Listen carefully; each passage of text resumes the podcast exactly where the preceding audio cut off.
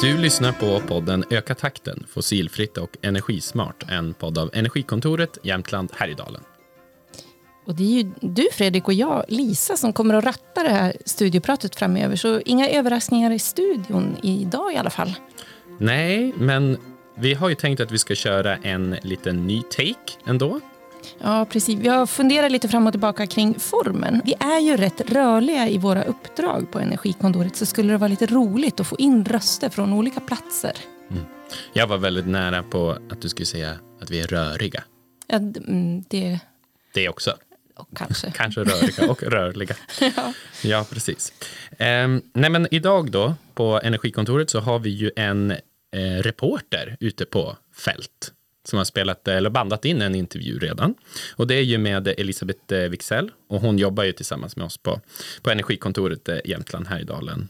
Hon pysslar ju framför allt med omställningen bland tunga transporter, alltså lastbilar, tunga arbetsmaskiner, grävmaskiner och sådana där saker. De pysslar också lite sådär med flyg och sjöfart och så. Men Idag har de ju eh, djupdykt lite mer i klimatsmart upphandling. Ja, och varför ska man hålla på med det kan man fråga sig. Ja, eh, jag kollade lite grann igår och eh, det är ju så att offentlig sektor, vi upphandlar för 700 miljarder kronor årligen. Det är ganska mycket. Jag tycker det är mycket.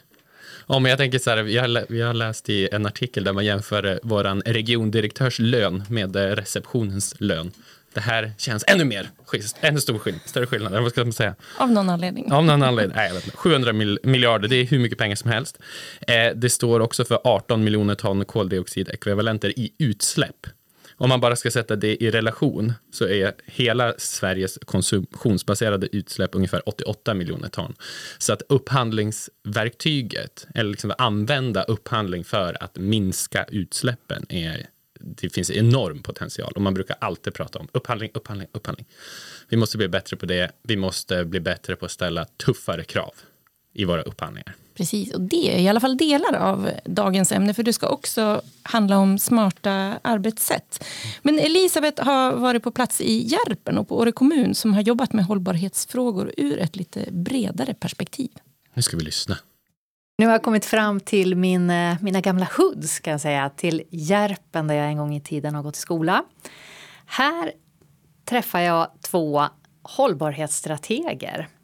Malin Bergqvist och Ida Leidemark. Och vi ska prata lite grann om hur man kan jobba på smarta sätt för att ställa om klimatet utan att det blir så mycket polarisering eller mindre polarisering kanske. Och vi ska också prata lite upphandling.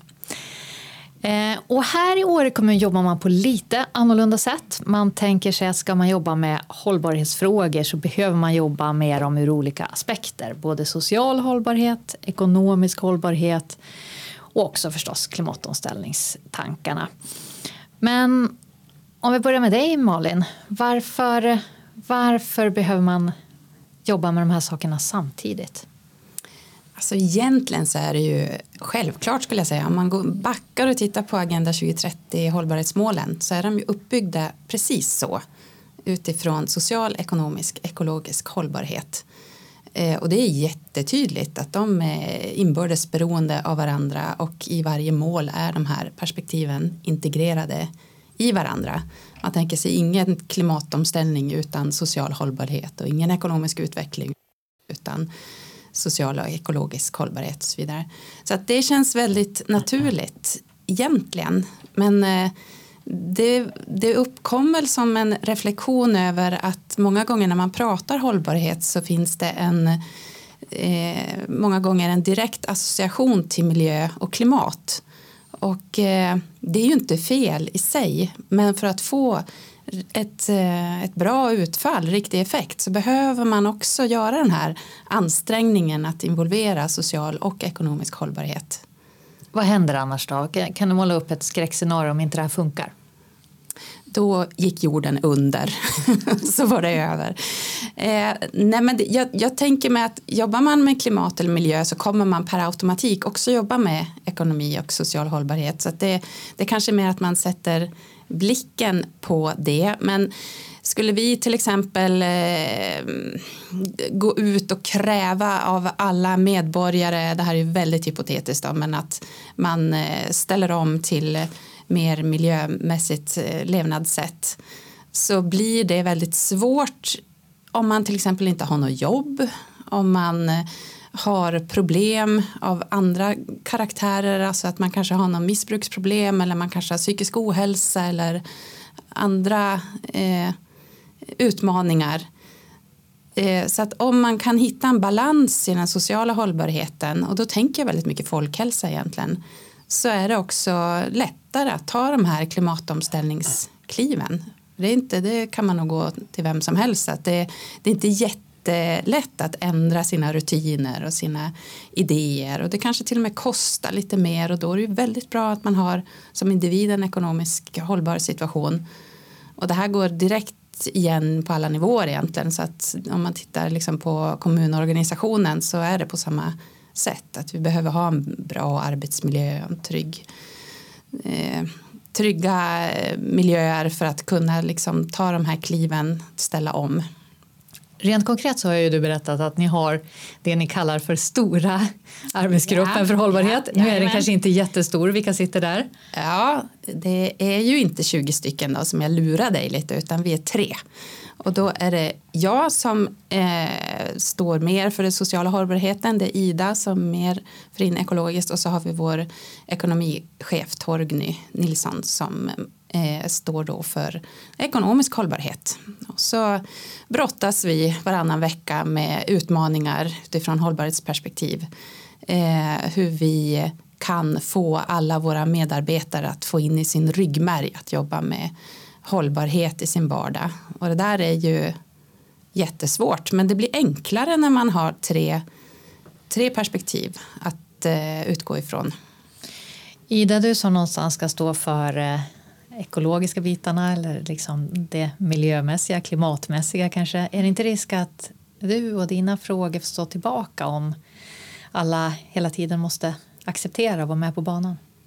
Eh, nej, det tycker jag inte alls. Jag tänker att alltså, om vi snackar en klimatomställning så bygger det på att vi människor gör saker, vilket hävdas alltså, ligger mer i den sociala dimensionen. Och vi kanske behöver pengar och då har vi ekonomin där.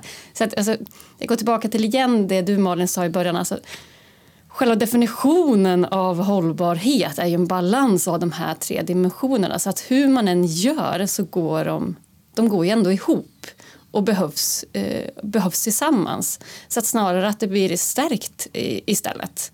Eh, man har också sett för att lyckas i ett hållbarhetsarbete så är det precis som, eh, som också du Malin sa att man inte kan fokusera bara på miljöfrågorna. Man behöver se helheten, alltså ur ett hållbarhetsperspektiv på, på en helhet i hur man som organisation eller företag eh, arbetar.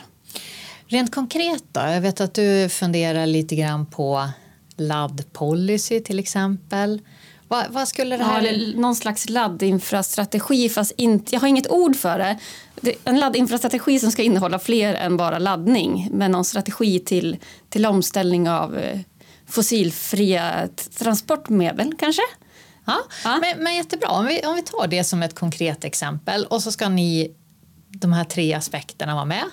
Ni ska komma fram till någon sorts plan kopplat till laddning och hur kommunen ställer om. Det ska vara socialt hållbart, det ska vara ekonomiskt hållbart och det ska vara bra för miljön. Mm. Hur jobbar ni då? då?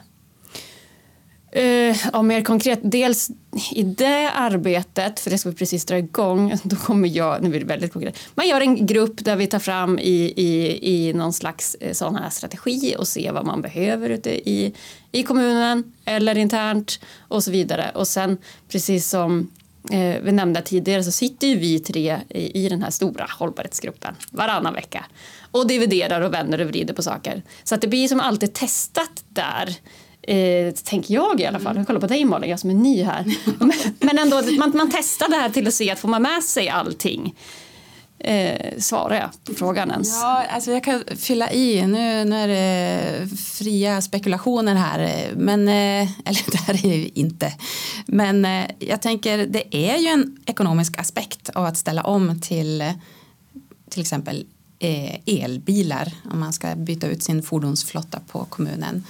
Eh, för det kostar att installera laddstolpar så att det behöver man ju ha liksom en plan för hur det ska gå till. Och då är det ju väldigt, väldigt praktiskt att ha med en ekonom som har alla de ingångarna och tankesätten och kan ta fram en smart plan för det.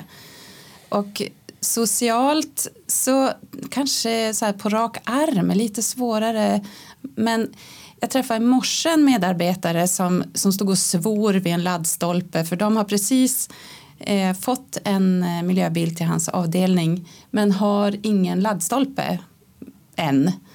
Så att det blir krångligt för dem att hitta den där jädra laddstolpen någon annanstans på kommunen. Och det skapar ju inte liksom en, det blir liksom en irritation, en dålig arbetsmiljö.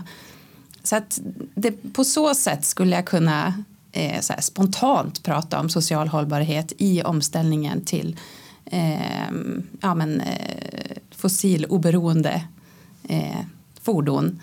Att det, det är vi försöker göra den här omställningen så smidig som möjligt för att undvika att det blir det här krånglet. Att man faktiskt kan ha en plan som man kan säga steg ett gör si, steg två gör så.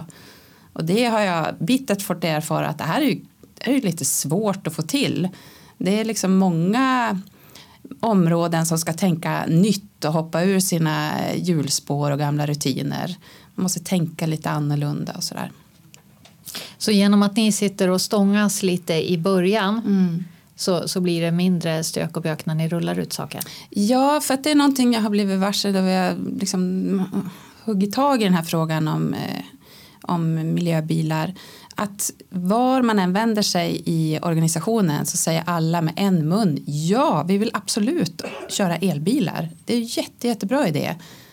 Men det är så krångligt. Vi vet inte hur vi ska göra. Vi vet inte vad som är första steget och andra steget. Och vi försökte på ett sätt men det blev inget bra. och Så, där. så att om vi kan bädda och göra det enkelt så skulle den här omställningen den kommer gå geschwint. När du kommer tillbaka om fem år, då är det klart. Ja men härligt, vi kommer tillbaka om fem år. Och vad, vad tänker ni i studion om det här ni har nu? Ja, vad säger du Fredrik om det du har hört? Jag tycker att det låter så himla självklart att alla borde jobba med de här tre olika delarna. Men vad tänker du? Ja, de pratar ju liksom om den ekonomiska och ekologiska och sociala dimensionen. Mm. Och liksom för en som jag har ju pluggat det här och jobbat med det här jättelänge, så för mig är det som en, en självklarhet att man måste tänka på alla de här tre sakerna. Och jag tycker att det låter väldigt bra att man i åren nu har liksom, eh, alltså tagit den här approachen för att försöka liksom få med helheten. Det som jag alltid är lite så här rädd för, det är att eh, jag har liksom noterat att eh, när man börjar prata om de här tre olika dimensionerna, att man eh, för också förutsätter att de är lika, alltså har lika, vad ska man säga, lika stor eh, betydelse ehm, att man kan liksom säga så här, nej, men vi måste ju tänka på den ekonomiska dimensionen också när vi ska fundera på om vi ska göra den här eh, liksom aktiviteten eller åtgärden som minskar utsläppen. Att så man, tänker du att det måste ju få kosta ibland? Ja, alltså det blir ganska lätt att man tänker men det måste vara ekonomiskt hållbart också. För mm. det brukar man prata till exempel om man ska resa någonstans. Men det måste vara ekonomiskt hållbart eller att man slänger in men det måste vara socialt hållbart också för våra arbetare som ska ta sig från A till B på ett bra sätt för att de ska hinna hem till sina familjer och sådär. Och det är ju väldigt, det är ju ganska rimliga liksom, saker, aspekter. Mm. Men ibland så kan det bli att man ganska lätt eh, liksom faller in i de här alltså spåren, att det ska vara ekonom, eh, liksom ekonomiskt och socialt och då får mm. det gå före eh, den ekologiska. Och du tänker att den ekologiska måste få vara liksom högst i hierarkin? Eller tyngst? Väga tyngst? Ja, alltså så här, i, i min värld så sätter liksom den, de, den ekologiska hållbarheten ramarna för hela arbetet. Man kan ja, liksom inte, det vi gör nu hela tiden, det är ju över liksom eh, vad ska man säga, vi pushar ju gränserna för vad de ekologiska ramarna klarar av hela tiden. Så att de är liksom, vad ska man säga, den stora cirkeln som ska omsluta allt annat och sen så är, liksom, ska man ju leva på ett socialt hållbart sätt innanför den ramen. Och så brukar man ju prata att den ekonomiska hållbarheten, det handlar mer om ett medel för att nå de andra. Och så det är egentligen, ja, Ska man säga. Men jag tänker att leva hållbart idag eller ekologiskt, det är ju på många sätt en klassfråga också. Mm. Vad, och då, Ja. alltså det ekonomiska är ju inte att förringa. Liksom. Nej. Nej, men absolut. Och jag tycker att det är ganska viktigt att man pratar det här i liksom en bredare eh, kontext än bara kanske Sverige eller lokalsamhället eller sådär. Att man, alltså man tittar på hur vi fördelar resurser och utsläpp och så på, jord, alltså på jorden som, ett, eh, som en helhet. Där är, även den, den som har det absolut sämst ställt i, i Sverige släpper ju fortfarande ut jättemycket mer än, de, eh, liksom, än, än vissa andra länder och sådär. Så där handlar det ju verkligen om att man måste tänka på att det ska finnas en, liksom, en jämlikhet. Att alla ska få liksom, samma möjligheter att ha ett dugligt liksom, liv. Ja, det, är, ju- det genomsyrar ju alla plan, Mm. tänker jag. Och inte förringa, liksom, för att förringa liksom, eh, någons, liksom, eh, vad ska man säga, eh, förhållande eller, eller så här. Men jag tycker att det är väldigt viktigt att man lyfter ögonen liksom, eller blicken ibland också och tittar på hur det ser ut i resten Ja. av världen när man pratar om de här frågorna. Precis. Och hur man får en balans mellan de här olika Även om, dimensionerna. Sverige, även om Sverige, nu minns jag inte siffrorna, men är, även om Sverige är väldigt lite så har vi till den eh, kategori på jorden som släpper ut allra, allra mest. Och då är det ju en väldigt liten del av Sveriges befolkning som Ja, hör till absolut. den kategorin. Ja, exakt. Så, Så att, det eh, är jätte, jättefå som släpper ut Ja, nej men, och det tycker jag är viktigt också att man tänker på att ehm, det är de som tjänar mest som ska minska sina utsläpp mest, om man hårdrar det. Hörde ni det? Där ute. Det är ni som har förutsättningarna, ni som kan göra Ni som det kan. här. Eh, sen så ska alla hjälpa till. Ja. Ehm, mm, Men hörru du, ehm, nu tror jag att Elisabeth kommer till det här partiet om upphandling som du pratade lite grann om i introt. Ska vi höra vad hon säger om det? Eller vad de säger om det? mm, jättegärna. Och nu så ska det handla lite mer specifikt om upphandling. Eh, och där är det ju som så, Ida, att du och jag har ju tidigare varit kollegor och jobbat och tagit fram en lathund för utsläppsfria entreprenader för byggarbetsplatser med elektriska maskiner. Och nu sitter du här. Eh, och vad tänker du då? Har, du, har, du, har ni någon nytta av den här lathunden och i sådana fall på vilket sätt? Ja, men det tror jag. Eh, jag är som sagt eh, väldigt ny här på Åre kommun men jag har Smittlites planer till att starta olika arbetsgrupper eh, som man kan koppla ihop till just när det gäller upphandling. Eh, där till exempel det här skulle kunna vara en sån arbetsgrupp. Eh, för det är ju precis som lathunden eh, tar lite fäste vid det att eh, det finns en ganska stor kunskapsbrist inom det här området. Man vet inte riktigt hur, så på så vis är den ju eh, till stor hjälp i innan man väl kommer till, när det blir väl aktuellt att använda det. Men först så tänker jag att det handlar om eh, lite implementering och kunskapshöjande eh, när det kommer till de här frågorna. Så du ska helt enkelt eh, använda den här låthunden och berätta för andra vad, vad du själv har lärt dig? Ja, men lite så eh, tänker jag. Och att framförallt att det blir ett stöd till arbetet. Eh, till hela gruppen och också sen till Alltså när man gör själva upphandlingen så är det ju ett, ett stöd för, för dem som är i den processen. Den här eh, lathunden den tog vi fram därför att de gör ett spännande jobb i Östersund på Ottfjällets förskola där det är 95 procents elektriska arbetsmaskiner på en byggarbetsplats. Och, eh, det har gått ganska bra där och sen så har de gjort mycket spännande grejer i Norge där de har haft ett 60-tal sådana eh, upphandlingar. Eh, vad, vad är det du själv lärde dig mest av det arbetet? Eh, ja, det jag lärde mig nog mest var att dels att det inte kostade lika mycket som jag trodde att det skulle göra. Verkligen. Eh, Hur mycket kostar det? du, det vet jag inte. Har du siffrorna? Var det 6, 7?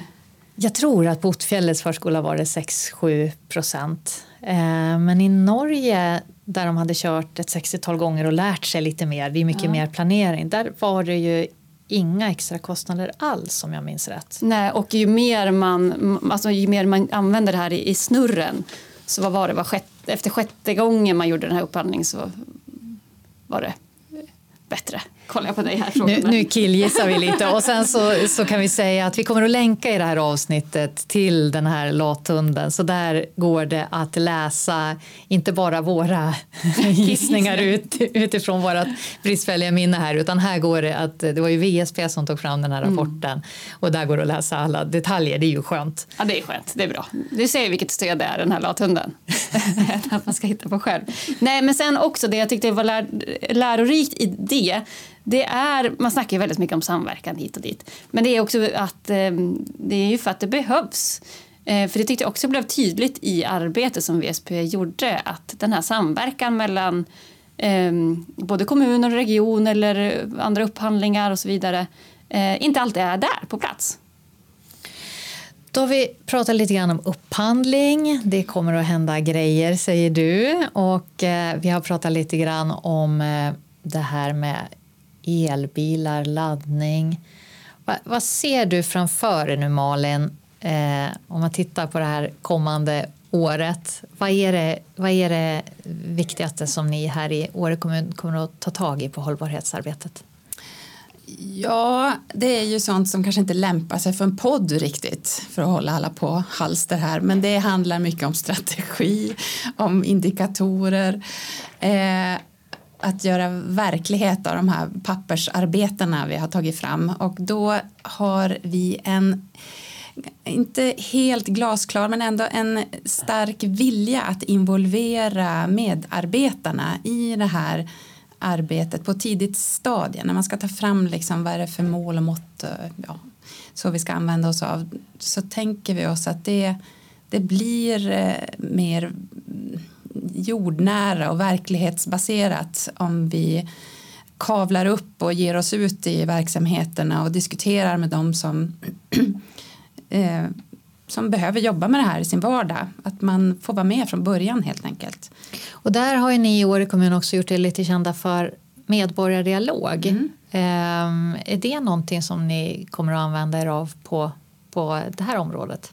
Ja, alltså såklart är ju det här eh, väldigt lämpat för det berör ju alla naturligtvis som bor i Åre kommun och det eh, medborgardialog är ju ett sånt underbart verktyg så det kan man göra på massa olika sätt på alla möjliga olika nivåer men med en ambition att fånga in så många perspektiv som möjligt så att det ska vara till exempel gamla och unga och nyanlända och alla möjliga personer som deltar. Det vi har gjort den senaste tiden är en turné tillsammans med eh, studieförbundet Vuxenskolan som jag kallar för Hållbara byträffar där vi eh, ganska förutsättningslöst egentligen har kallat till träffar runt om i kommunen som har baserats på enkätsvar om vad vill man prata om, vad är viktigt utifrån ett hållbarhetsperspektiv. Eh, och det har varit jättefina kvällar med engagerade, kunniga, entusiastiska hållbarhetsambassadörer som ibland faktiskt hittar varandra och krokar arm och lyckas ta några kliv vidare i sin egna liksom, ambition. Så att eh, Åre kommuns och studieförbundets tanke med det här har varit att skapa liksom, mötesplatser för att få personer som brinner för de här frågorna att kunna mötas och så kan vi bädda och stöta på, stöta, stöta på och eh, ja, hjälpa till på det sätt vi kan. Men att försöka få det här som gror ute i bygderna att, att kanske gro lite snabbare, så där, växa till sig. Mm. Armkrokar är, ja. är det som är på gång i Åre och då kan väl du få avrunda här Ida med någon sorts drömarmkrok.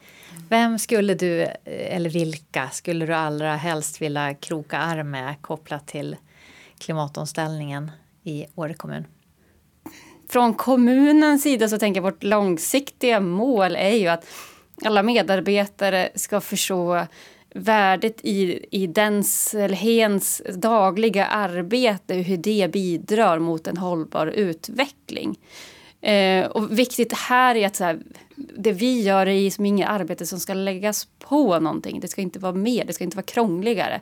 Utan det ska bli enklare för alla medarbetare eh, att, att utföra sitt dagliga arbete. Sen kan det handla om att man tvistar olika saker istället. Eh, men att det bygger på också, som vi varit inne på, en delaktighet av medarbetare i det här arbetet. Och det kan vi ju, om vi blickar utanför själva organisationen så är det egentligen samma sak bland medborgarna också.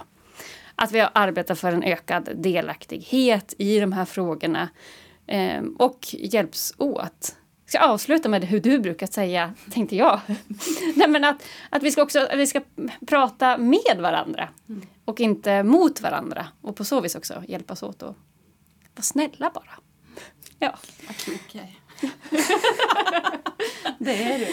Ja, men vad härligt. I Åre kommun så krokar man alltså arm. Man börjar först att kroka arm internt i den så kallade stora hållbarhetsgruppen som egentligen är pyttelilla armkroken med social hållbarhet, ekonomisk hållbarhet och eh, miljömässig hållbarhet. Och sen ska medarbetarna involveras och i förlängningen alla medborgare. Tack så jättemycket för att jag fick komma och hälsa på Ida Leidemark och Malin Bergqvist. Tack så mycket. Ja, men det känns ju lite som om Åre kommun kopplar det stora greppet och inte vill styra in hållbarhetsarbetet alldeles för smart, smalt med armkrokeri både inom kommunen och med medborgarna. Vad tror du om den vägen att mm. vandra? Jag tror framförallt att eh, eller jag tycker det lät som att de hade väldigt mysigt där också. Ja. I det här samtalet. Där. ja, verkligen. Eh, och trevligt. Ja. Eh, och det är det jag tänker att man kanske också vill nå ut med till medborgarna. Alltså så att eh, den här, mm, vad ska man säga, medborgardialoger och så där man kan liksom komma fram till saker tillsammans. Att det, det är nog ett bra arbetssätt för att förankra liksom arbetet verkligen i grunden hos, hos de som faktiskt kanske också måste göra vissa förändringar. Ja, det är ju väldigt inkluderande och inbjudande mm. istället för att det ska vara en, en, en farbror staten som ja. bestämmer att nu ska du agera i en eller annan riktning. Mm. Nej, men och sen så, jag bara tänkte på det som vi pratade precis innan här klippet, det här med att eh, ehm, det är de rika som måste minska sina utsläpp. Eh, och, eh, och här pratar de ju om vikten av att alla ska med, alla mm. ska liksom med på tåget och sådär. Och, och det man måste komma ihåg lite grann när man pratar om det, de rika och sådär, i Sverige är vi generellt ganska rika. Ja, det här kommer ju från precis. en Oxfam-rapport som man släppte i november 2023 där man pratar om verkligen vikten av att de rika måste minska utsläppen och att de som är de 1% rikaste måste minska utsläppen liksom med 97 procent eller någonting sånt där. Och, så, och det är ju vi. Ja, alltså, och det är jättemånga som till kanske inte den 1% men de 10 procent mm. rikaste i hela liksom, eh, världen. Så, så att eh, man ska inte tänka att det kanske flyger en över huvudet bara för att man säger de är rikaste för man kanske inte ser sig själv som de rik. Men i en liksom, större kontext så är vi absolut det. Bra förtydligande. Ja, mm. ehm, tänker jag är viktigt. Men ehm, ja. Om vi pratar om den här lathunden för klimatsmart upphandling då, som de nämnde. Du har ju lite koll på den. Mm. Den tar ju upp några goda exempel, bland annat eh, förskolan i Torvalla som vi pratat om förut. Men vad tänker du är en lärdom från den här lathunden? Ja, som Elisabeth sa så kommer vi ju länka till den, så jag tänker att alla, kan, alla som är intresserade, gå in och läs den. Den är inte så, så himla lång och det finns sammanfattande avsnitt och sådär. Men jag tänkte liksom lyfta någonting också, förstärka det som Ida var inne på här, att det blir faktiskt billigare och billigare desto fler gånger man upphandlar ungefär samma sak. Och det tycker jag är en jätteviktig lärdom. Ja, det blev dyrare i början för man vet inte riktigt hur man ska göra, vilka krav man ska ställa.